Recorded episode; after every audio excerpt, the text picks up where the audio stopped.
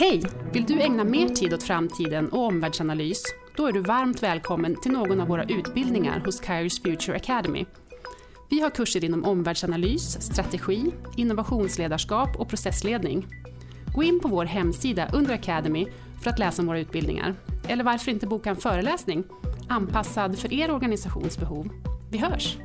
Varmt välkomna till Framtidsstudion. Idag snackar vi som vanligt framtiden, men vi pratar också praktiska lösningar på några av samhällets stora utmaningar. Det är ju vissa frågor som aldrig tycks liksom riktigt benas ut och därför var det så spännande när jag träffade dagens gäst i ett sammanhang och eh, han helt enkelt föreslog konkreta lösningar eh, på ett antal stora utmaningar men också eh, resonemang om varför det är så svårt att få de här lösningarna att komma till stånd. De här eller andra lösningar, varför systemen ibland kan upplevas så väldigt tröga. Dagens gäst heter Dan Gaversjö och du är varmt välkommen till Framtidsstudion. Tackar. Du har jobbat på olika sätt i det kring och i det offentliga. Du ska snart få berätta lite, men orsaken till att du och jag träffades var för att du eh, idag arbetar med företaget Invandrarindex. Vad gör Invandrarindex för någonting? Invandrarindex eh, tar ju upp egentligen eh, de nyanländas röst, deras åsikter eh, och funderingar och förväntningar på det svenska samhället när de kommer hit. Det finns inget annan som gör det egentligen. Eh, och, och den, eh, den, kunskapen använder ett eh, antal statliga och kommunala myndigheter för sin planering utav sitt arbete helt enkelt emot den här gruppen. Just det. Hur gör ni det rent praktiskt? Hur får ni tag på åsikterna som många eftersöker men har svårt att fånga? Ja, det är egentligen så på SFI-lektioner så, så ställs ett antal frågor som olika myndigheter eh, vill ha svar på egentligen. Och det, ja. det kan vara allt ifrån Friidrottsförbundet till eh, Migrationsverket eh, till Boverket. Just det. Och jag vet ju att många av våra lyssnare är säkert bekanta med World Value Survey som eh, ständigt, eh, eller ständigt, men då och då ska man säga, publicerar en karta över hur olika eh, nationers befolkningar svarar på ett antal frågor. Vi har sett den här färggranna kartan om individualism versus mer traditionella värderingar och självförverkligande versus mer överlevnadsvärderingar och så vidare. Och ni har också jobbat tillsammans med dem och släppt en rapport för ett tag sedan. Och vad handlar den om? Ja, det handlar egentligen om värderingar, de olika värderingarna som man har. Eh, eh, från där man kommer och eh, till man kommer hit. Alltså det har ju också att göra med att det är två olika samhällen. Alltså vi i Sverige är ju ganska extrema, eller här uppe i Norden, vi är ganska extrema om, om man ser det eh, över hela världen utav ja. våra värderingar. Eh, så att det är klart att det blir krockar. Ja. ja, för de som inte sett den här kartan så är det alltså en X och Y-axel kan man säga där ett mm, stort antal länder ligger inplottade och Sverige ligger ju längst upp i det högra hörnet. Alltså maximal individualism kan man säga och maximal fokus på självförverkligande eh, och, den egna utvecklingen. Så att säga. Eh, även om vi nu faktiskt rör oss åt andra hållet, vi har förstått de senaste, senaste mätningarna. Men detta sagt om invandrarindex. Dan Gaversjö, vem är det och vad har du gjort som gör att du har eh, inblick och självförtroende att komma med dessa ganska konkreta och tydliga förslag på hur vi ska lösa ett antal stora samhällsfrågor? Berätta! Jag har ju min grund i att jag har varit polis i Göteborg. Eh, och eh, jag har haft sådana uppdrag inom polisen så jag har rört mig lite över hela Sverige faktiskt. Va? Ja. Och har en ganska god inblick i framförallt i segregerade bostadsområden. Men jag har också jobbat som koncernsäkerhetschef eh, på förvaltningshopp Framtiden, vilket är, allmännyttan i Göteborg, alltså en bland Sveriges största fastighetsbolag. Där man har jobbat mycket med, med trygghetsfrågor och eh, trygghet och säkerhetsfrågor. Dessutom så har jag varit eh, processägare, eller vårt företag då var processägare för integration eh, i Göteborg. Så det okay. drev jag det arbetet, så jag har ganska god inblick i de frågorna helt enkelt. Eh, inte bara i Göteborg utan över hela landet. Sen har jag också varit på SABO, vilket är allmännyttan i, i Sverige. Då, då var jag, jag säga, expert på integrationsfrågor. Ja, du skaffade den erfarenheten berättade du för mig i ett, ett, projekt kring eh, det som vi idag kallar för utsatta områden. Så och, och där finns mer problematik kring kriminalitet och så vidare. Men det här var ju, det här var ju länge sedan, det hajade jag till på när du sa. När var du började jobba med de här frågorna i Göteborg? Alltså, Ja, 2000, 2002 började med, med, alltså i den kommunala sektorn kan man säga. Ja. Innan dess var, var jag polis. Då. Och eh, så har jag hållit på med detta, så jag har ganska god alltså, överblick. Ja. När jag var processägare för integration i Göteborg så tittade jag på vad har man gjort tidigare bakåt i tiden. Mm. Eh, forskningsrapporter och sådär. Och, och då fann jag ju att bara i Göteborgsområdet så hade man ju gjort över 300 utredningar. Oj. Och, och det, som var, eh, det som var ganska bra då var, det, det var ju att de lösningar man kom för länge sedan och konstateranden eh, eh de, det är ju de som vi har nu, de var, var redan kända. Så varje utredning bekräftar den andra utredningen. Okej, okay. ja. Så att det där är, ja du vet det har ju varit många sådana här insatser, Blommanpengarna och allt sånt där. Så att det, det, men vi lyckas ju inte att hantera frågan trots Nej. att det är känt sedan många år tillbaka. Ja. Vi kommer tillbaka till de här spännande lösningarna men vi sitter ju också och har det här samtalet i slutet på mars då, 2020 och eh, är omgivna av ett land eh, som eh, liksom omvärlden är drabbat av en pandemi ett virus som sprider sig och som för framförallt äldre och eh, eh, multisjuka är ett, ett rejält hot, men som inte minst är ett stort hot mot ekonomin. Vad, är det något speciellt du har tänkt på kring det här skeendet som pågår just nu och vilka konsekvenser det kan få i, i långa loppet? Vad ser du från ditt perspektiv? Ja, alltså, nu har jag ju hållit på några år också med eh, faktiskt inom eh, sjukvården och eh, eh titta på de långa vårdköerna och hur det fungerar och inte fungerar. Och, eh, man konstaterar ju också här att, de här, eh, att sjukvården är ju eh, underfinansierad skulle jag säga. Hur många år som helst har man ju liksom haft besparingsåtgärder på sig och man har slimmat organisationen hela tiden, vilket har gett till att eh, mycket utmattningsproblematik, eh, så personal eh, slutar. Och, ja. Ehm, så att det här är ju också någonting, det är ju inte nytt. Och så nu, nu, när man hamnar i den här situationen så, så gör man ju ett fantastiskt jobb måste jag säga då och, och har sett till så att det blir ehm, att man använder de resurserna man har på det bästa möjliga sätt. Men personalen eh, är ju, alltså det finns inget luft i systemet skulle jag vilja säga. Och, och ständigt är det ju att man får ta in hyrfolk va, från, från olika bemanningsföretag för att täcka upp. Ja. Eh, och, det, eh, och det som händer just nu då det, det, är ju att alla, eller väldigt många planerade operationer ställer man eh, in. Ja, precis. Och, och, redan nu innan här så, så står det jag såg, titta på siffrorna alldeles nyss så finns det 100, nästan 129 000 som står i kö, alltså som hela Västerås. Eh, och, och, väntar på någon slags eh, operationsåtgärd. De som har väntat mer än tre månader, alltså 90 dagar, ja. eh, det är cirka 35 000 eh, i Sverige. Ja. Många utav dem i den kön kommer att dö. Så är det. På, på grund utav att inte de här åtgärderna eller operationerna blir genomförda. Och då kan man tänka sig att nu blir det ännu ett, ett eh, en förskjutning i tiden. i den här ytterligare. Ja.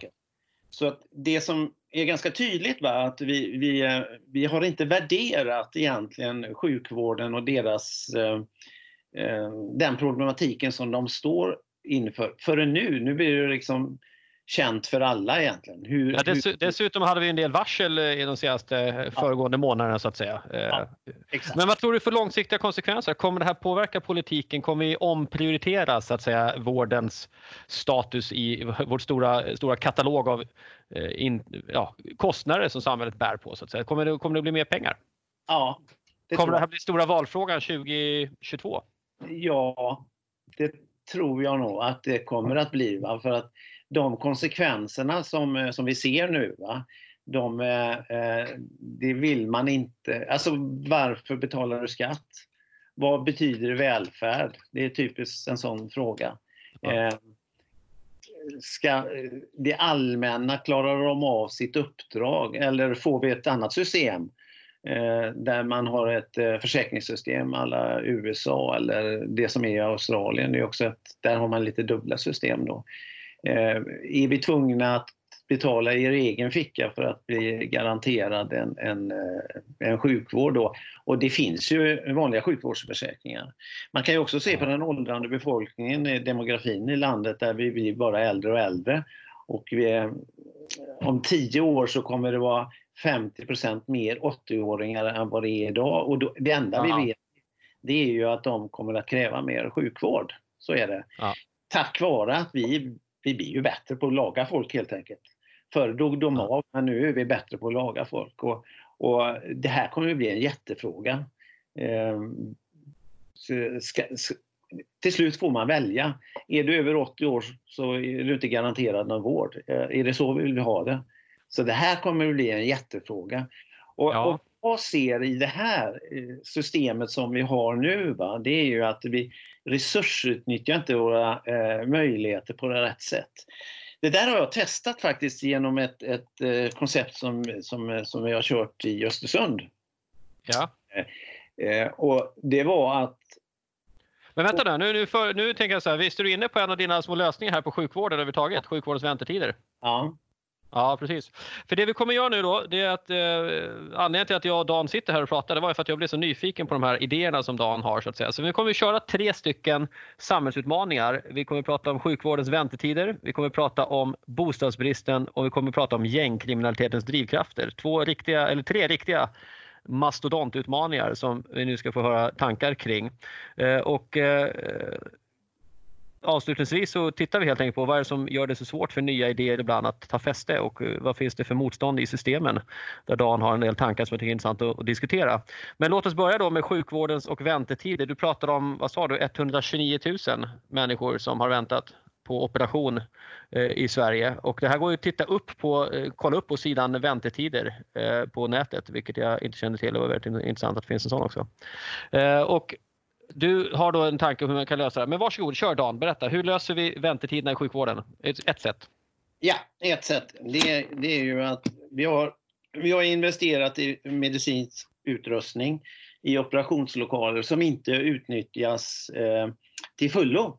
Ja. Eh, på kvällar och eh, eh helger så står de obrukbara förutom akutsjukvården då som, som kan behöva. Men ja, du säger obrukbara men du menar att de inte används? De, de används inte helt enkelt.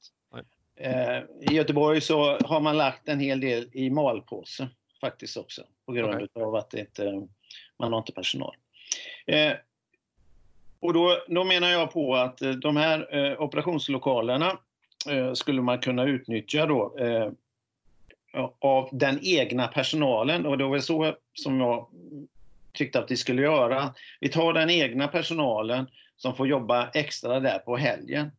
Eh, idag så är det så att, att eh, många utav personalen, eller de flesta faktiskt läkarna, jobbar inte heltid utan de jobbar trekvartstid eller halvtid och resterande så, så har man eh, eh snajs vid sidan om helt enkelt. Okay. Eh, och då åker man och opererar eller ja, i andra delar av landet. Så, så att ifrån Östersund så åkte man till södra Sverige och opererade. Och sen kom det ett gäng från södra Sverige och opererade i Östersund. Alltså så, så jädra dumt, eh, tyckte jag. Varför tar vi inte... Men du menar att det här det är, alltså, det är ut, väldigt, väldigt utbrett att man jobbar inte heltid för att kunna ta andra knäck? Så att säga. Ja. Och, ja. ja. Eller så forskar man. Det är, alltså, det är två, två vägar.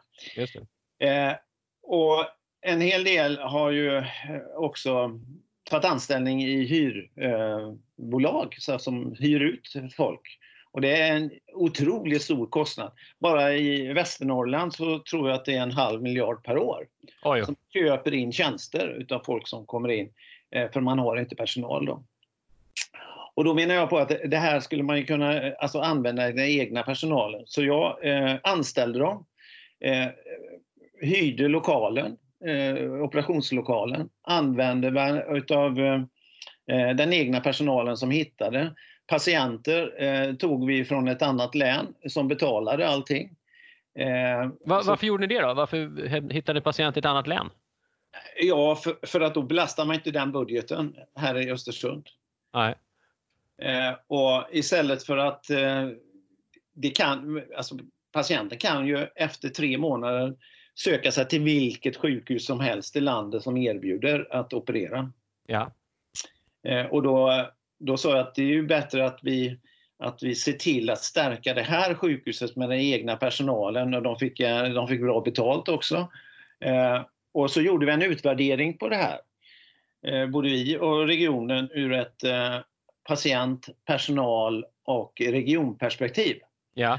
Och då såg man att eh, patienterna var jättenöjda. Som, de har ju inte annat blivit eh, opererade. De fick Nej. ett helt nytt liv helt enkelt. Eh, personalen tyckte det var jättebra att kunna jobba på hemmaplan istället för att åka någon annanstans. Då kunde ja. de vara med på dotterns eh, skridskotävling på kvällen och, och, eller middag som de skulle vara på. Annars så bodde man på ett hotellrum någonstans i södra Sverige och tyckte det var ganska tråkigt. Eh, och för det tredje, man kunde ju se då att eh, regionens eh, image blev mycket bättre, men man kunde också se att de, de det var många som tog med sig sina respektive och så bodde de på hotell och käkade ute i, i samhället. Och, så att ur ett regionalt perspektiv så var det här bara bra. Ja. Att, Men jag måste bara fråga, alltså mm. du startade ett företag för detta och anställde dessa och knackade på hos regionen och sa hej kan vi hyra de här grejerna? Ja, Exakt. Ja. Det, ja. det, det, var inte bara så utan jag fick ju liksom förklara eh, alltså fördelarna med det här. Och eh, eh, det är klart att det här var ju politiskt eh, lite känsligt. Men när man såg eller när man förstod att det här, det, vi stimulerar ju den egna verksamheten. Ja, visst. Eh, så att, så att vi, vi, växer i det egna sjukhuset. Vi får behålla vår personal. Det är det stora problemet då att personalen flyr. Mm. Eh, men nu, nu kunde vi hålla dem alltså på hemmaplan. Eh, vi kunde också se att, jag, jag sa så här att kan vi göra på ett annat sätt än vad ni, vad ni brukar göra annars? Alltså vi kan göra det effektivare. Så har ni möjlighet att göra det under förutsättning att det är patientsäkert. Och då överläkaren eh, hela tiden bevakar ju givetvis att det här var patientsäkert. Normalt opererar man fyra patienter, vi opererade sex. Och det var ju bara för att personalen sa om vi, om vi tar det här flödet och gör så här och så här och så här istället så går det mycket snabbare. Ja. Och vi är klara i, i god tid innan eh, dagens slut. Eh, och framförallt så, så sa ju personalen äntligen var det någon som lyssnar på oss. Det här har vi föreslagit hur länge som helst. Ja. Men det är ju ingen som har lyssnat förut. Och här, där har du det andra problemet i dagens sjukvård, att du har en förvaltningsorganisation som är så långt ifrån säga, backen, det är verksamheten på backen helt enkelt. Ja. Och, och det är klart att eh, det här, det här man, kan man göra överallt. Ja. Men problemet är med det här egentligen, det är ju förvaltningsorganisationen. För förvaltningsorganisationen Eh, alltså här kom det någon utifrån och, och förklarade hur man skulle göra.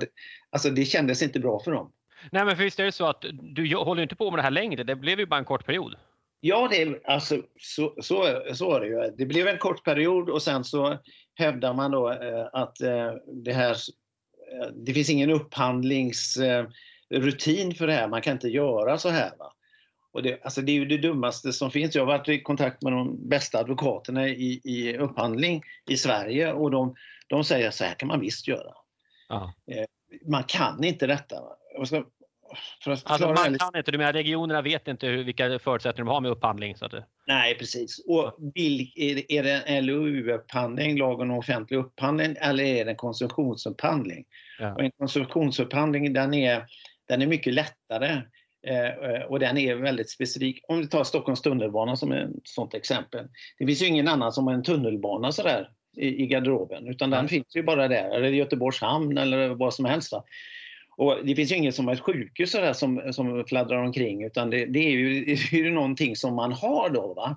Och då, kan man, eh, då är det en konsumtionsupphandling. Men man ja. kan inte de här frågorna. Och det är mycket, mycket lättare att, att göra. Den är offentlig och den måste man måste annonsera den och allt sådär. Va? Men, men, men vad hände här och varför, varför fortsatte ni inte? Vad blev stoppet egentligen? Nej, stoppet var ju här var det ju en eh, politisk majoritet då va, som inte ville gå emot förvaltningsledningen. Ja. De ville göra det här men de ville inte gå emot sin förvaltningsledning. Och sen då så var det ett, eh, och så vart det ju val och då sa ju oppositionen att eh, är det så vi kommer i, i majoritet så kommer vi att göra det här. Punkt slut. Jaha. Ja. Och nu har det ju varit val och sådär. Och då den drivande personen den kuppades bort. Eh, Okej. eh, och, så jag fick ju börja om från början. Men man står där igen. Eh, att det här vi vill göra. Ma- men man rår inte på eh, sin förvaltning, sin förvaltning helt enkelt. Va? Men vi, sta- vi, stoppar där med det här exemplet, för det här var ett väldigt konkret exempel. Du visade i handling så att säga vad som skulle gå att göra och personalen verkade uppskatta det väldigt mycket. Att patienterna uppskattar det, det kan man verkligen förstå. Men det verkar som att systemet hade svårt att hantera att det dök upp ett annat sätt och en annan aktör kanske också att göra detta. Ja. Eh, Men Eh, vi, vi låter den liksom, eh, sjukvårdsspåret stanna lite grann och till oss på de andra utmaningarna så kommer vi tillbaka sen till den övergripande diskussionen. Vad är det som gör liksom att det är svårt att få till sådana här förändringar? För du har ju också funderingar kring bostadsbristen. Hur ska vi lösa den? Eh, vad är dina tankar där? Ja, alltså när jag reste runt här för Sabo eh, 2015-2016 eh, när det kom så in så mycket nyanlända till Sverige. Ja, Eh, redan innan så var det ju bostadsbrist, eller hur? Ja. Och, och då fanns det två system alltså, som man eh, kunde bosätta sig i Sverige. Antingen var det via e-bolagen.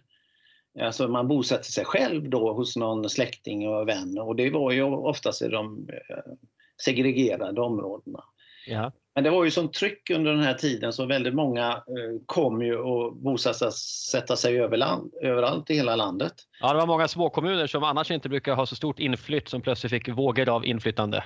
Ja, precis. Och du vet Bert Karlssons boende och allt det där. Ja. Så debatterades ju väldigt då. Och, och, eh, men det, det jag kunde konstatera det, det var ju att eh, i de små kommunerna så var det mycket bättre integration.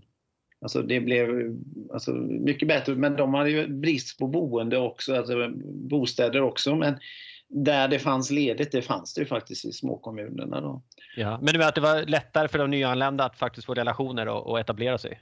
Mycket, mycket lättare. Ja, Eh, och, eh, man, och ett av skälen var ju faktiskt att de behövdes där på grund av demografin. Alltså man behöver ju de händerna och, fötterna som skattebetalare egentligen för att, för att eh, behålla välfärden. Då. Så det fanns ju en, eh, alltså Åre var ju typ ett sånt exempel. Det var fantastiskt att jobba där uppe med, med, eh, med integrationen. Men det finns många ställen i landet som man gjorde det fantastiskt bra. Men mm. många söker ju sig då till, till storstäderna för att man tror att det är lättare att få jobb där och sådär. Social gemenskap också, alltså kulturell gemenskap gissar jag också lockar. Ja, ja absolut, absolut. Men man, man kan också se då att, att eh, man får ju ingen bostad om man inte mm, har eh, en lön, eller hur? Nej, nej. Och eh, då såg man att eh, det, det vart ju eh, ett utanförskap utan dess like och, och det kan ju komma in på sen hur, hur, Eh, så gängkriminella och de parallella samhällssystemen eh, vill stimulera detta egentligen för att stärka sin egen position. Men för de här individerna då va, så, så, så, så, så föreslog jag att istället, ja vi har ju nu eh, en hel del tomma bostäder, vi har tomma lokaler ute i landet. De skulle vi kunna använda egentligen som ett eh, man skulle kunna starta så här, yrkesskolor på ett eller annat sätt på 20 orter i landet, lite större då helt enkelt. Ja, För jag såg, alltså, om du tar en plåtslagare, det finns ju en oerhörd brist på det. Betongarbetare, ja, sköterskor. Det, alltså det finns en otroligt mycket bristyrken, busschaufförer och allt sånt där. Och, och du skulle då kunna starta en, en, eh, en, en, utbildning, en utbildningsort eh, egentligen. Och det, vi kan ju se också på invandrarindex, för där ställer man frågan, är du beredd att flytta eh, till någon annan ort i Sverige eh, för att utbilda dig för ett jobb? Alltså 85 procent sa ja, absolut. Vi flyttar idag. Va? Så det, det är ju inte det att man inte vill, det är det att det inte finns något eh, möjlighet att göra det.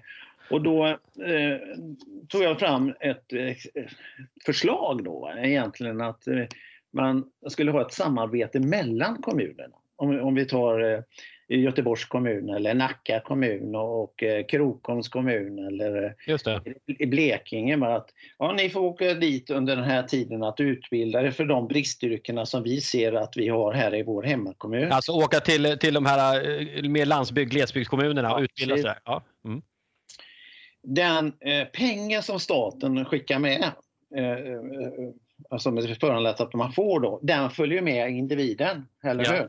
Ja. Och sen så, sen Arbetsförmedlingen kan ju tillföra ett år till egentligen va, med, med olika bidrag och, eh, så att man erhåller sin utbildning och så kommer man tillbaka eh, till din huvudort, det vill säga du är skriven där hela tiden. Just det.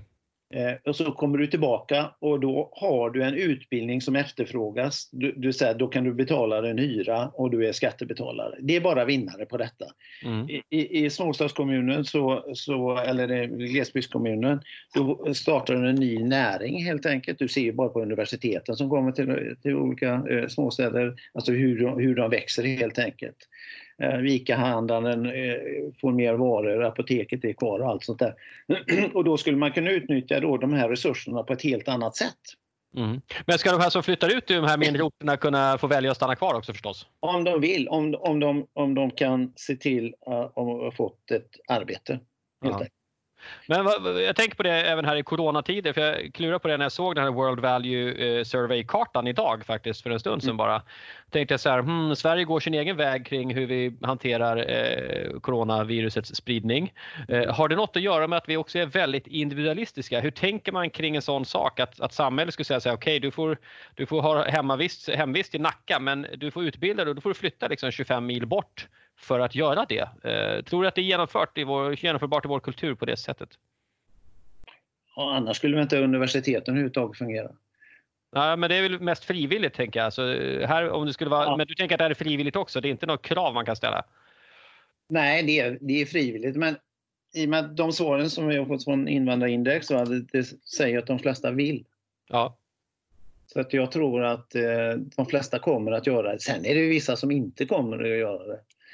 Men där kan man ju ställa olika krav. Det, det är upp till samhället eh, vad, vad, vad man ställer för krav. Ja det tycker jag är intressant. Det är en av diskussionerna som jag tänker eh, pågår för fullt egentligen och som kanske förstärks av den här pandemin just nu. Alltså vilka, hur, hur kommer individens intressen stå sig mot kollektivets framöver? Vi har ju haft en 30, 40, 50 år, om inte mer, så säger jag, det kanske till och med skulle säga ända sedan renässansen, att individens status har hela tiden ökat på bekostnad av det kollektiva så att säga.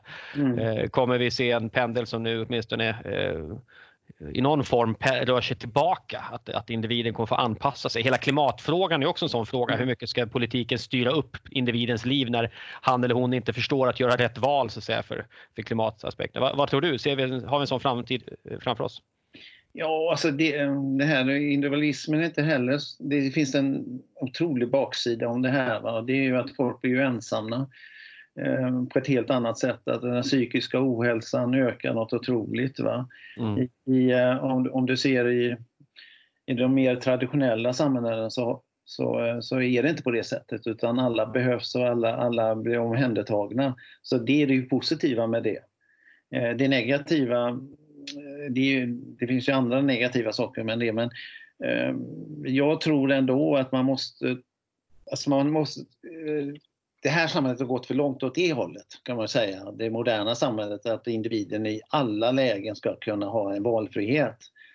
Jag läste någon utredning för eh, ja, det är nog 15 år sedan nu om, om 19-åringars eh, förhållningssätt eh, för framtiden. Och en av de viktigaste sakerna för dem var att i framtiden att de skulle få behålla sin familj, alltså familjen skulle vara intakt.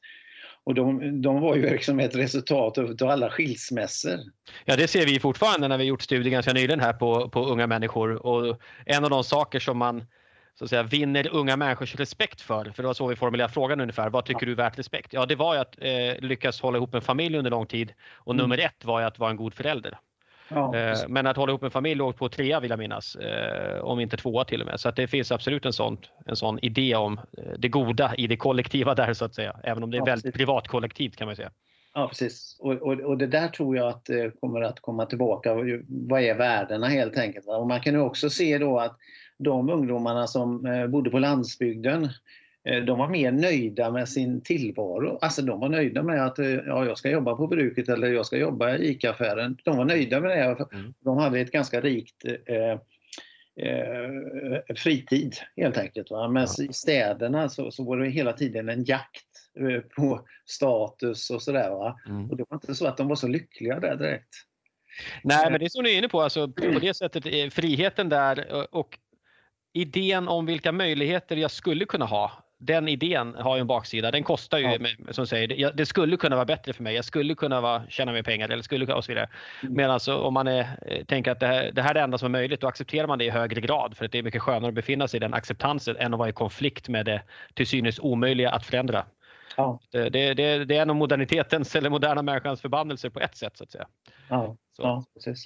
Det finns ju också många olika aspekter att, att hålla ihop en grupp egentligen för att etablera sig i ett område. Kanada har ju en annan integrationspolitik. De eh, tar ju hela familjen. Eh, ja. Eh, för att komma in i landet då. Va? Och man frågar också vad kan du innan man tar in dem? Ja. Alltså, vad, vad kan du tillföra det här landet? Ja, de är mer selektiva än vad vi har varit. Absolut, jättemycket. Ja. Och de, har, alltså, och de, eh, de har ju en helt annan, andra siffror på integration. Det går ju mycket, mycket snabbare. Ehm, man kan ju också se egentligen, eh, om man ser rent historiskt på det, i Australien, eh, första världskriget där när, när i Preussen i Tyskland där så var det mycket religionsförföljelse när, när det, de ritade om landgränserna. Då förflyttade ju hela byar till Australien. Och det kan man se där också att hus och sånt är identiskt egentligen från, det ser tyska ut helt enkelt. Va? Ja.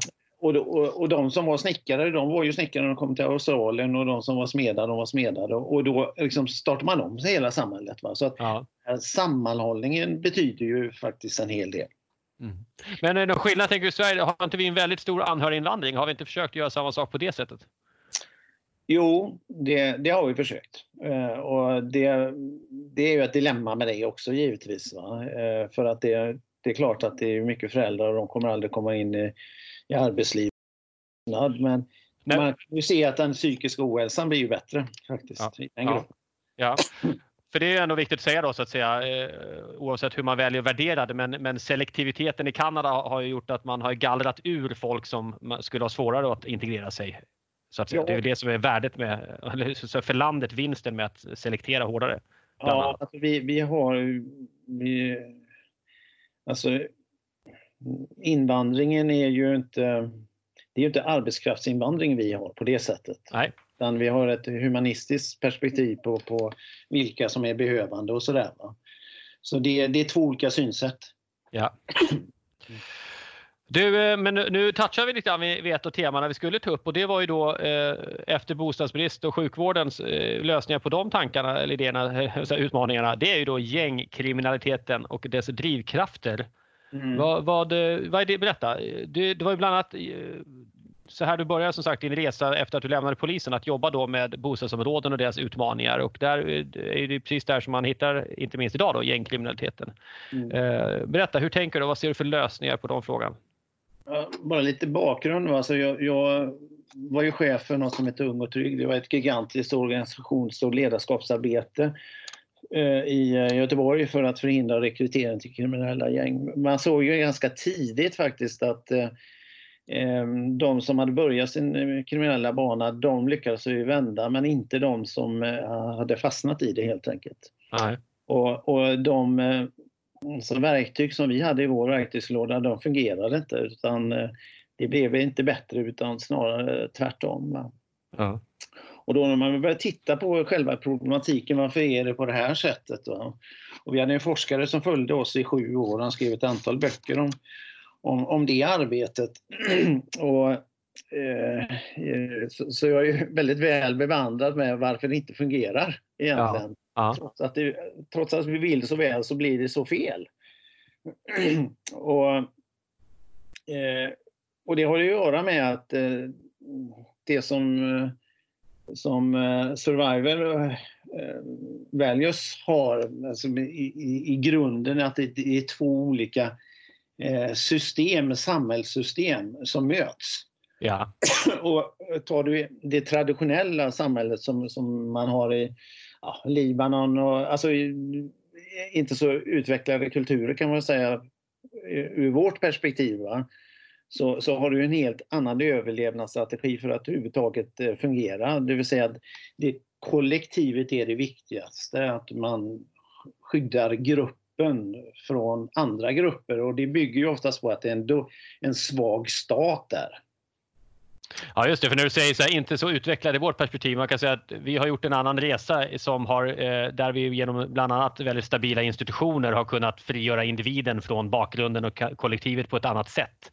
Ja. Så att säga. Ja, vi har, och vi har haft resurserna och vi har inte varit kolonialiserade och så vidare, och så vidare som har gjort att det funnits andra förutsättningar. Ja. ja, precis. Och vi har en stark stat som, eh, och vi får tänka annorlunda och staten, rättsväsendet skyddar oss från det helt enkelt. Va? Ja.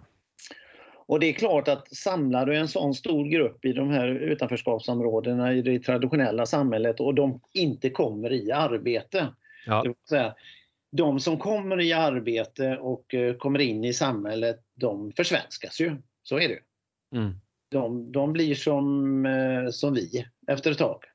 Men de som inte kommer i, in i samhället, de egentligen går ju tillbaka i sina rötter och för att överleva. På tal om det här med försvenskning som säger också, det var ju det bland annat i rapporten som Invandrarindex och World Value Survey pratade om, så här, hur förskjuts värderingar över tid? Så att säga. Och jag vet ju att eh, dansk forskning har visat att kommer du från ett land till exempel med en lägre generell tillit mellan människor, att du eh, i lägre grad än i Sverige till exempel litar på främlingar så tenderar det till att öka när man kommer till ett högtillitsland. Det ökar inte kanske till samma nivå som som eh, den nya kulturen man lever i så att säga. Men det, det blir en förskjutning så att säga. Så att det, det är ett exempel på försvenskning i den meningen så att säga. Mm, mm. Mm. Ja, förlåt, fortsätt. Ja. Eh, då kan man ju säga då att, att eh, om man säger, tänker på gängkriminaliteten så, så, så har man ju, alltså i det parallella samhället så ska man ju skydda gruppen. Ja. Mm. Och är det någon som attackerar gruppen så, så eh, Eh, så gäller det att du slår tillbaka. Och slår du inte tillbaka eh, så, så eh, upplever man skam. Det är skamligt att inte försvara sin heder helt enkelt. Mm. Och i, i, ett parallellt samhälls, samhälle i, i sina hemländer så har man en kollektiv bedömning vad straffet ska vara. Antingen så får man böta, alltså motståndare som gjort något fel, de får böta för det här. Mm. Eller så är det blodshämnd. Mm. Det är ju väldigt vanligt att det är på det sättet. Mm. När man kommer hit till Sverige så, så fort, fortgår ju det, men i, eh, har du ingen, eh, alltså i den kriminella miljön, alltså är det någonting som heter respektsystem. Mm. Alltså då, då är det inte kollektivet bestäm, bestämmer vad straffet ska vara. Utan det är individen som leder gruppen, han som är starkast helt enkelt. Ja. Och det kan vara det mest banala, att någon har eh, flörtat med hans tjej eller, eller eh, man har gått in och börjat sälja droger i hans område. Då förlorar han ju heder gentemot den andra gruppen, alltså han, det upplevs omanligt och så här. Va? Och, mm. och, eh, då är man tvungen till att utkräva en hämnd och, och då, då gör den personen det så här blir det. Mm. Och, och då, det är därför du ser det stegrande våldet. Förut så, så slog man dem, men sen började man skjuta dem i benen och nu skjuter man dem i huvudet. Mm. Och det, det, har att göra med det, alltså hedersperspektivet då, eh, mm. eh, respektsystemet som, som är i det kriminella eh, perspektivet är fullständigt galet för oss. Mm. Alltså man, när man skjuter en kvinna i, i Malmö, det här som gick med ett barn där. Va? Så, så, så, kan man ju säga att det, det var det, den yttersta hämnden. Du kan inte ens för, äh, försvara din, din tjej. Just det. Och det tycker vi är fruktansvärt och det är det ju barbariskt på alla sätt och vis. Men i det systemet så visar det en styrka. Ja, just det. Och, och det, det, är ju det här som är, eh, och, och, och, hur vi hanterar detta i, med, i den socialtjänstlagen och vårt humanistiska eh, perspektiv eh, alltså det funkar inte. Man kan, man kan ju också säga att i ett område så är de här väldigt socialt starka. Mm. Men du menar att den, här, den svenska, den, den, logiken som ligger bakom det svenska socialtjänstens bemötande till exempel eller samhällssystemets bemötande, det är en, det är en helt annan logik än, än vad de utgår ifrån. Eller de, nu pratar vi om de som är gängkriminella och har den här eh, respektkulturen som du kallar det då med ja. sig. Ja, och de, de jackar inte i varandra. Det här får mig att tänka faktiskt på en bok av Malcolm Gladwell, den amerikanska jag vet inte om han är psykolog, men i alla fall vetenskapsjournalist. Han skriver väldigt mycket om beteenden och psykologi. Han har en eh, jättebra bok som på engelska heter Outliers. Och, eh, då minns jag att han påtalar där, eh, ja, boken handlar om vad som har gjort vissa människor framgångsrika och vilken slump det är ibland och hur olika kulturella bakgrunder spelar roll och så vidare. Men, men jag minns en, en passage som handlar om hur man i herdekulturer, alltså kulturer där man har eh, boskapsflockar, som vilda västern var till exempel, den klassiska liksom cowboykulturen så att säga, men även då många delar av Mellanöstern och andra ställen, eh, många delar i världen överhuvudtaget. Men de menar att den, den, mest kritiska punkten för en herde, det är när han eller hon, men oftast en han var det varit då, har gått genom byn med sin flock och på något sätt utmanats av någon eh, och om man inte slår tillbaks hårt nog, då kan man bli av med allt man äger. Och det är en väldig skillnad jämfört med någon som äger mark, för du kan inte stjäla marken hur som helst. Så att säga. Så att det, det, blir liksom en annan intensitet i att, att skrämma av någon då. För annars kan det vara en eh, väldigt snabb manöver så kan man så att säga ha blivit av med sin egen och hela familjens ekonomiska eh, status. Eh, och det, det, skapar en kultur som blir eh, där det, det, preventiva eller, eller det reaktiva våldet blir på ett sätt starkare för att man måste få motparten att förstå att här ska du backa, du ska inte komma här och Eh, det var, det var en tanke som dök upp där som, som jag tyckte var intressant. Jag vet inte eh, om etnologer och andra eh, håller med om att det här är en korrekt beskrivning, men, men han menar att det här har påverkat eh, typen av reaktion på våld i olika grupper beroende på hur nära den här kulturen har funnits. så att säga. Mm. mm. Och du, du, man, man ser ganska tydligt, det är ju familjer eller ett krafter som försvarar sin heder. Va? Mm. Och, och mångt och mycket, så för att behålla gruppen intakt va, så är det mycket kusingiften och massa sådana här saker som, som de gör för att man ska säkerställa gruppens eh, styrka helt enkelt. Mm. Det, är det, det är ju det du ser när man pratar om hedersrelaterat eh, våld mot kvinnor, att man gifter bort kvinnor och sådär. Och det är ju egentligen för att stärka gruppen och jag vet inte hur många kvinnor jag har varit med att, att eh, gömma egentligen eh, eh, från andra delar av landet. Och det var inte det att de hade sin familj, de hade hela släkten, ett par 300 pers efter sig. Mm. För att alla förlorar sin heder eh, om, om, om inte det här genomfördes. Då. Och det, alltså där ser man en det är mot kvinnor men samma fenomen är egentligen mot de männen som inte utför det som gruppen kräver av dem. Just det då är de inte med. Vet du. Och det kan man ju se, jag tror i förra veckan så sköt man väl en 16-årig pojke i Göteborg. Mm. Och så, vad jag förstår så var det något, eh, det, han har inte följt eh, normen riktigt. Och, då, det, och det, det, det här, det är ju ett och då kan man säga, hur, hur kommer vi ur det här? Ja, det är min fråga. Nu. Hur, hur förändrar vi förutsättningar för inte minst nästa generation eh, då med utrikes för, rötter många gånger då, att, att få välja sina liv friare. Vad, vad ser du som lösning på den här gängkriminaliteten? Alltså, ja, alltså, man vill säga, grunden för att man ska göra en förändring det är ju egentligen att du stärker individens egen eh, position och, Höj statusen för individen så att säga. Ja, precis. Ja. Och för att de ska kunna ta ett steget ifrån den här gruppen, det är ju egentligen att de kan få ett jobb, en utbildning. Ja. Ett, skolan är det absolut viktigaste och det sa Torbjörn Folkby. Alltså det spelar ingen roll hur mycket poliser du öser in, det är inte där eh, problematiken är. Utan problematiken är att du måste öka kunskapsnivån. Ja. Och det, det, där är väl många överens om så att säga. Det, det är i sig ingen, ingen radikal tanke. Men du pratar också om bostaden och bostads... Ja, och så, i, i, de, i, de, I de här parallella samhällssystemen, den här, eh, så som det fungerar, så är de ju starka i sitt bostadsområde. Ja. De här gängkriminella begår de ett brott i sitt bostadsområde. Eh, alltså det, det, slår inte så hårt. Så de struntar mer eller mindre om de åker in i fängelse för då ökar ju deras status och de har inte pratat med polisen och allt det där. Va? Då bara ökar liksom deras status. Då. Men däremot får de inte behålla sin bostad. Just det. Eh, många utav de här ettorna... Ja, om de inte skulle få det menar du? Så. Det skulle, ja, det skulle vara kännbart. Ja, precis. Ja. Och då förlorar de sin sociala status. Alltså flyttar de till, en annan del uh, utav uh, landet, där är de ingen. Det är ingen som... De är ju som vem som helst. Och det är en av de effektivaste sättet egentligen att eh, få bort det här. Och, och, då, då kan man ju säga då att då, då har vi hyreslagen som reglerar det där. Och det är ju, den är ju byggd på jordabalken och den är inte tidsenlig om man säger utifrån det här. Nej. Och Det som man ser också i de här utanförskapsområdena att eh, de flesta vill ju inte att det ska vara så här. Så grannar och sånt, de säger ta bort dem. Vräk dem.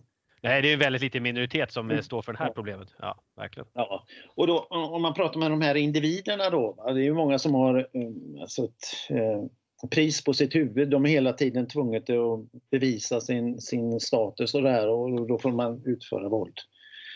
Och de flesta går ju med, med skyddsväst och gömmer sig alltså långa delar för att veta att, att någon är ute efter dem. Och de vill ju flytta till något annat område och starta om på nytt. Ja. Väldigt många, men då har vi inget sådant system.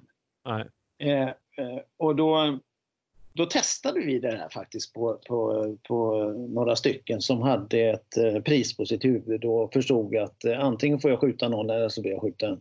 Ja. Och, och, och var motiverad till att, att flytta. Då. Och då flyttade vi ut dem på landsbygden och det tog ungefär ett och ett halvt år innan avkriminalisera dem. Alltså det är ett gäng som kan ha 40 000 i bakfickan men de kan ja. inte skriva sitt namn, de har inget bankomatkort och de är så långt ifrån.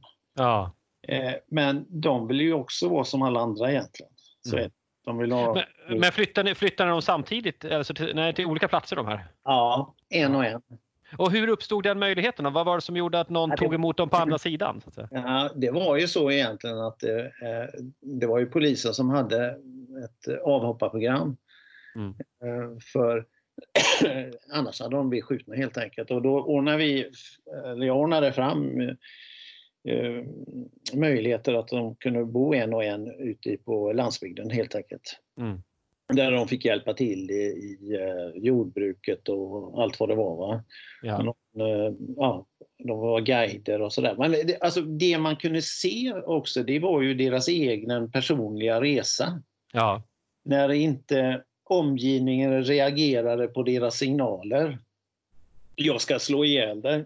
Vi har inte tid med det nu nu ska vi göra det här och det här. Ja. Så den här personen, att, och går du inte upp nu på morgonen så får du ingen mat. Och kommer du inte till jobbet så får du ingen lön. Eh, och, och, och, de kunde inte heller åka tillbaka. Nej. Systemat, alltså successivt så kom de in i det här sättet att tänka. Och, och det går alldeles utmärkt, många av dem idag. Ja. Men det fanns ju, alltså vi har ju ett vårdsystem idag som att uh, vi vårdar dem kollektivt, det vill säga att i på SIS-institutioner och, och LVU-hem och sånt där. Va? SIS är Statens institutionsstyrelse för de som ja, inte är så inlästa här på detta. Mm. Ja, och um, det de inte kan innan, det lär de sig där och de träffar likasinnade. De träffar inte, det, alltså normaliteten träffar de inte. Nej jag är ganska kritisk gentemot KRIS och alla de här va, för att det, det, det är inte normaliteten de träffar. Eh, utan, men man kan väl behöva både och i och för sig kan jag tänka mig. Alltså både någon som verkligen förstår vad det har varit där men det, kanske inte, det får inte vara det enda man har att luta sig mot. Nej, alltså det normala är väl det som, efter, som är det bästa för att man ska fungera. Men de här människorna som, som jobbade och som du sa som ställde krav och sa att nej men det har vi inte tid med för nu ska vi göra det här eller du får ingen mat om du inte kommer upp på morgonen. Så här, vilka var det? Vad var det för människor? Nej, för det var inte behandlare mer än terapeuter på något sätt utan det var väl, eller vilka var det? Nej, nej det var det inte. Men, men det var ju kopplat terapeuter som stödde dem helt ja, enkelt. Det var det också. Ja. Så, så det fanns ju ett bakomliggande system eh, helt enkelt. Va? Men själva grejen, och det säger de ju själva, det var ju egentligen att jag var ensam och det var ju en väldans resa för dem. Ja. kan du, alltså din egen identitet bryts ju ner. Ja. Och, de, och det, det, var ju smärtsamt också för många. Ja. Att eh, inse hur liten jag är. Just det. Samtidigt när de började växa då så växte de ju jättemycket. Ja. Och, och, och, och de säger att det hade aldrig gått om jag inte hade kommit ifrån Nej. de områdena.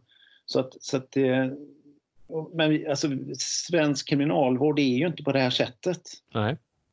Och, och, det är ju bara för att vi har en norm, en fundering på hur det ska fungera. Eller hur? Och, och man har ju alltså experter som tittar på det här men de är stöpta i samma form. Du menar de som utvärderar kriminalvården är själva liksom kriminalvårdiskt utbildade och ja. tänker i de systemen? Ja. ja. Ja. Men vad, det här systemet ni använder nu då, och jag gissar att det förekommer fortfarande den typen av program, eller? Nå I Sverige? Eller? Nej, alltså det är ju någon som ska betala detta. Det ja, är, är det dyrt då? Är det kostsamt? Nej, det är inte dyrare. Det enda man kan säga så här, alltså du behöver en insats på två år. Ja. För att det ska vara värt att göra det. Alltså det är ingen idé att skicka iväg någon på tre månader. Nej. Och då, då ställer man oftast, då blir det ju så här att eh, kommunerna har ju dåligt med pengar helt enkelt. Ja. Och det här ska ju ställas mot att det ska vara uppe i biblioteket eller eh, hur ska vi vara med åldringsvården och sådär. Va? Ja. Så kommunerna hamnar ju i dilemmat. Ja. Eh, och, och, och, staten då kan man säga som borde ta det här eller har möjlighet att genomföra det här, de vill ju inte axla det här ansvaret. Jag har ju pratat med många på departementet om det här att så här kan man inte ha det även på SKR. Ja. Och, och de säger ju också att kommunerna kommer inte klara detta. De har inte de resurserna. Mm. Så då gör ju kommunen så att då väntar de innan de går in med en, en, en åtgärd, en, ett LVU eller till att de blir tillräckligt kriminella så att staten tar över då sist. Ja. Ja. Och, så man man bollar den här frågan sinsemellan hela tiden. Mm. Och, och, eh, och sen när de kommer tillbaka så kommer de ju tillbaka till det här bostadsområdet. Ja. Och då är det någon annan som har tagit över den lokala makten. Och det är mm. så alla krigen börjar kan jag säga. Det är att så, någon kommer tillbaka? Från... Ja, det är så det, då ska de ta över eller ta tillbaka sitt område och det gillar ju inte de som har fått det och så, och så är det igång då helt enkelt. Mm. Så ja, så, ja. så det, det, vad, det, vad det behövs är en annan ordning helt enkelt. Ja. ja. Och de är inte så många. Så att det, man ska också säga det att det, det här är en liten klick utav alla de som bor i de här bostadsområdena. Ja, ja verkligen. Så att, Men det skulle, ja, skulle man lyckas bryta utvecklingen så skulle nyrekryteringen eh, droppa ganska fort och det skulle bli lugnare inom en överskådlig framtid. Verkligen. Absolut, men det systemet som vi har nu med, med den, alltså den ökade alltså straffmentaliteten på det här sättet som, som att ja, har du en bär du ett vapen va, så kan du få ett och ett halvt års fängelse och sådär. Det, det innebär ju att man man hjälper till i rekryteringen, att ungdomar får bära vapen och sådär istället för de här kriminella gängen. Mm. Och det här, eh, då skolas de ju in betydligt kvickare så att det är kontraproduktivt, ja. det vi håller på med. Ja. Eh, jag tror att man pratar om den här straffrabatten, att man ska ta bort den och sådär. Det är bättre att man använder de pengarna till att göra något konstruktivt som jag, som jag berättar om. Mm. Men eh, för det vi är inne på nu, det du har delat tankar kring, det är så att säga, hur kan vi eh, motverka gängkriminaliteten? Jag vet också att vi pratade innan så pratade du om att utveckla ett nytt eller gammalt stadsutvecklingsarbete. Är det det här du menar då, eller vad menar du med det? Stadsutvecklingsarbete? Där? Nej, alltså det här, man ska säga om man bryr sig om sitt bostadsområde, det vill säga att du känner att du behöver försvara det på ett eller annat sätt, så, eh, eh, så stärker man ju tryggheten och sådär. Och det finns en hel del, en hel del eh, sådana initiativ som har tagits. Om vi tänker det i miljonprogramsområden, alltså där man, alltså sådana bostadsområden, där det är att man lägger ut eh, driften, skötseln utav eh, rabatter och sånt där. Va? Ja. Och det är klart att genar någon över rabatten och så här, då säger du till. Eller hur? För att du bryr dig om det, för det är din rabatt lite grann. Ja, det sociala trycket ökar eh, för det gemensamma helt enkelt. Va? Ja. Eh, och det kan man ju också se att, att i de bostadsområden som inte är miljonprogramsområden, kan man säga då, eh, där man har klumpat ihop så mycket folk på ett eller annat sätt, alltså villaområden, är ju inte alls på det här sättet. Och då kan man ju ställa sig den frågan, men alla kan ju inte bo i villa. Nej, det kan man inte göra. Men det finns alltså kommunala bostadsbolag som har, som har eh, radhusområden som inte alls har de här problemen. Nej. på grund av att man får en, ett eget eh, säga, ansvarsområde som man sköter helt enkelt och då, då försvarar man det. Eh, och jag tror att det som vi håller på med nu det är ju att vi bygger nya miljonprogramsområden genom de här förtätningarna som, som görs överallt och det är ju bara egentligen för att utnyttja den infrastruktur som finns med väg och vatten och avlopp och sådär. Men det är ett otroligt högt pris som vi kommer att få betala framöver. Ja, du menar att, är det trångboddheten eller är det tätheten på folk mera som blir problemet eller är det relationen till sitt bostad och boendeområde? Ja, det senare. Senare, ja. ja. Men man kan ju se då att eh, de här egna hemsområdena som byggdes i början på 1900-talet för vanligt, eh, vanliga arbetare helt enkelt, va? de är ju oerhört varit under hela tiden väldigt stabila eh, socialt men också ekonomiskt. De eh, renderar ju jättehöga värden. Man kan ju se under miljonprogramsområdena så, så tiden där så byggde man väldigt mycket radhusområden och egnahemsområden också. Mm. Och de är också stabila. Men det är mm. det här som vi pratar om att man sätter alla personer under en och samma Eh, med samma problematik i ett område. Jag skulle vilja se något, eh, jag skrev till Boverket om det bland annat, att man skulle bygga mer som en by, om du tänker en gammal Bullerbyn helt enkelt. Mm. Mm. Så på varje tomt så hade du en, ett hus också på en 50-60 eh, kvadrat. Där eh, som, som den som har själva huvudbyggnaden hyr ut till någon annan. Någon äger fastigheten och hyr ut boendet på det här ja. huset? mm. till student eller till, till eh, ja, de som inte vill, vill ha, äga sitt eget hus helt enkelt. Va? Då mm. får du en annan social integration mellan olika grupper. Mm, intressant tanke. Ja. ja och, och det där eh, alltså det, det, är ju ett sätt att, alltså hur får vi ett mer socialt stabilt samhälle? Ja, vi, mm. Vi, kan inte göra som vi alltid har gjort för då blir det som det alltid har blivit. Va? Mm. Och, och, det här är ju ett, eh, ja, ett, ett, ett helt annat sätt att hantera. Men, men det, där, det är perfekt Dan. Eh, snygg övergång där. Vi kan inte göra som vi alltid har gjort för då får vi samma resultat. Många brukar citera Einstein om detta, om att det är ett tecken på galenskap när man förväntar sig ett annat resultat av samma handling så att säga. Mm. Eh, vad tänker du om motståndet till nytänk? Ja, det pågår en massa nytänk, inte minst nu rapporteras det enormt mycket om nytänkande i dessa kristider. Folk öppnar dörrar åt olika håll och får hjälp och ber om hjälp och eh, det byggs ansiktsvisir av diadem och OH-film på våra regionssjukhus. Eh, men, men eh, eh, som du har mött systemet, jag vet att du har tankar om eh, det politiska offentliga systemet och dess kapacitet till att ta in nya tankar eller nya idéer. Och så. Vad, vad, vad ser du för utmaningar där? Alltså, jag skulle vilja säga allt som är nytt blir man ju rädd för, eller hur? Ja. Eh, och, eh, och det, man kan ju också säga då att eh, desto äldre man blir desto mer trygg i, är man i det gamla. För den, det, det, känner man att eh, det vet jag fungerar. Någon som tänker helt annorlunda eh, möts ofta av, av ett, ett motstånd. Tänk när Apple började. Och det finns ju många som tänker helt annorlunda och, och, många som idiotförklarar det men till slut så, så, så vinner de ju. För att det är som jag sa förut att eh, försöker du eh, alltså, lösa dagens problem med eh, eh, gårdagens eh, verksamhet så kommer det inte fungera. Nej, men, det där, men det där gäller ju alla sektorer. Det är ju egentligen, ja. alltså, eller alla, många människor att man är rädd för det nya oavsett om man är offentlig eller privat. Och så. Men, men jag vet att du har snackat bland annat om balansen mellan, mellan politiker och tjänstepersoner. Ja, sjukvården tycker jag är typiskt ett, ett sådant exempel som är väldigt tydligt. Va? Att, att, eh, här har man ju en uh, verksamhet, de som är på golvet, de ser att det här fungerar inte. Det finns inte de här marginalerna som behövs finnas och det ser man ju nu då i coronatiden. Alltså, man har ju inte den kapaciteten och man har inte de beredskapslager och allt sånt där som trots tidigare från själva verksamheten har, har påtalats men man har inte gjort det. Men då finns det en förvaltning däremellan. Alltså politiker det blir man ju för att man vill ju förändra på ett eller annat sätt. Eh, och, och, man är inte utbildad kan man säga inom det som man ska göra. Nej.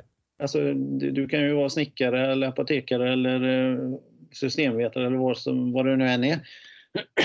och så sitter du och ska styra över sjukvården. Nej, då behöver du en förvaltning, eller hur? Ja, just. Förvaltningen ska, ska eh, lära dig hur, hur det här ska vara. Och då är det ju så att, alltså ordningen är ju så att eh, alltså det politiska systemet kan ju bara tillsätta eh, egentligen generaldirektören eller, eller för, förvaltningschefen. Ja. Och resterande så är, så är det ju förvaltningschefen, generaldirektören som styr och ställer helt enkelt. Ja, ja. och sen har du ju verksamheten som är runt eh, vid sidan om då. Och eh, desto hårdare tider det blir på pengar, desto mer controllerfunktioner eh, förs in. Just det. Det kan man ju, det kan man ju se också inom sjukvården. Alltså det är ju mer eh, alltså, eh, förvaltningsmänniskor än läkare nu i landet. Ja, just det. Ja. Och, och, och, det, det, och de bara ju, och då, då, då, förstår man inte helheten att eh, personer är multisjuka och de behöver olika eh, massa olika vård hela tiden och då kan man inte tänka sig att eh, den har ont i benet och så ska man alltså, bota det med benet men de kan ju ha diabetes och de, det kan ju vara massor med olika följdsjukdomar. Ja. Och, och då så ska man kontrollera det här så att det att vara läkare och sjuksköterska idag så är det mycket fylleriövningar. Alltså man Mm. fyller i massa saker för att kontroller ska följa upp. Då, va? Och, och det, det gör ju inte att man utvecklar inte vården. Man krånglar till vården och det är ju det som den här vårdpersonalen är otroligt eh, upprörd över. Mm, mm. Eh, Men ser vi ett skifte där på gång då tror du? För jag menar, New Public Management och de idéerna har ju fått en del smisk de senaste åren. Eh, vi kommer kanske se en konsekvens av att sjukvården nu belastas väldigt hårt på sina håll av den här pandemin som pågår. Att man kommer få konkreta eh, liksom, exempel på eh, att, att de här systemen är övertunga för att hantera väldigt mycket vård. Eh, administrativt övertunga. Jag spekulerar nu, jag är verkligen ingen expert på det. Men jag tror att vi kommer se ett skifte framöver. Den här diskussionen är ju uppe trots allt om överbyråkratisering. Ja, jo, det, men det, alltså, vad är nyttan?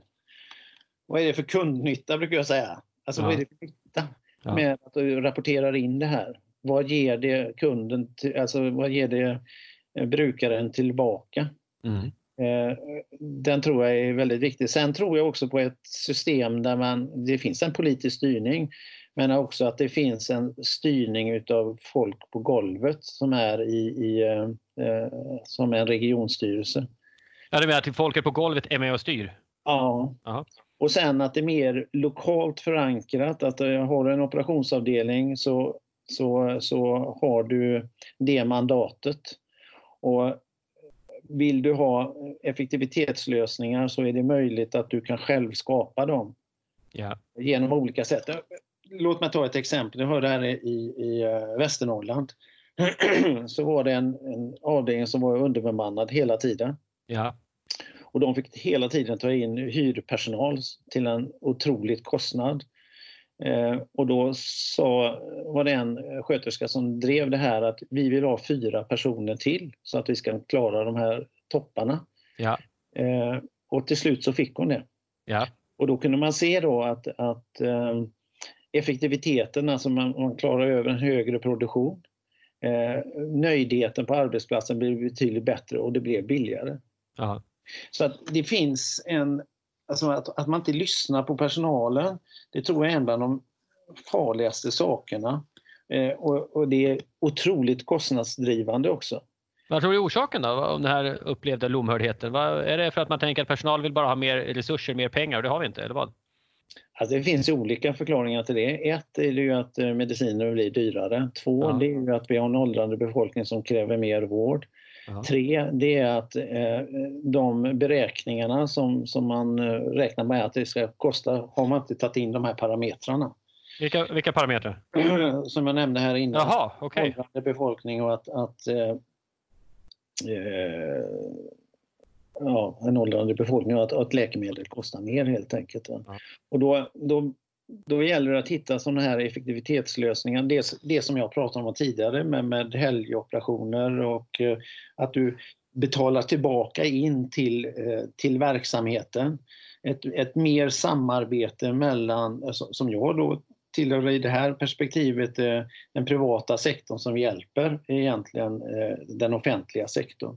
Jag pratade med en på Capio, en sjukhusdirektör, och hon berättade för mig att vi levererar betydligt mer vård eh, per krona än vad regionen gör. Och då, då frågade jag, vad är, vad är nyckeln? Ja, nyckeln är inte svår, sa hon. Då. Det är ju egentligen att vi trycker ner besluten så långt ner i organisationen som vi kan. Eh, bara för att vi ser att det blir en större effektivitet och personalen stannar kvar. Mm. Så att det, det, finns, alltså vi har, men i, det offentliga så har vi en toppstyrning som, är, som inte gagnar egentligen verksamheten där längst ner. Mm. Så att jag tror att det, det, måste till en förändring helt enkelt. Mm. Mm. Um, och, och, sen är det väl också så att vi, vi, får väl vi får betala mer.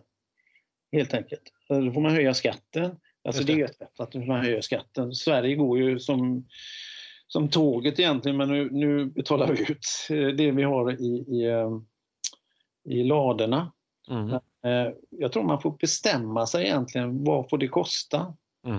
Eh, är det värt det här? Mm. Den debatten tror jag kommer nu faktiskt. Ja, det gör den garanterat. Det tror jag också. Verkligen. Alltså, är det värt det här och hur skulle vi kunna göra på ett annat sätt? Mm.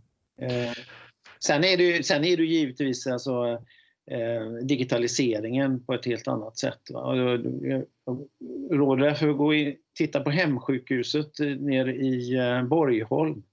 Mm -hmm. Hemsjukhuset i Borgholm?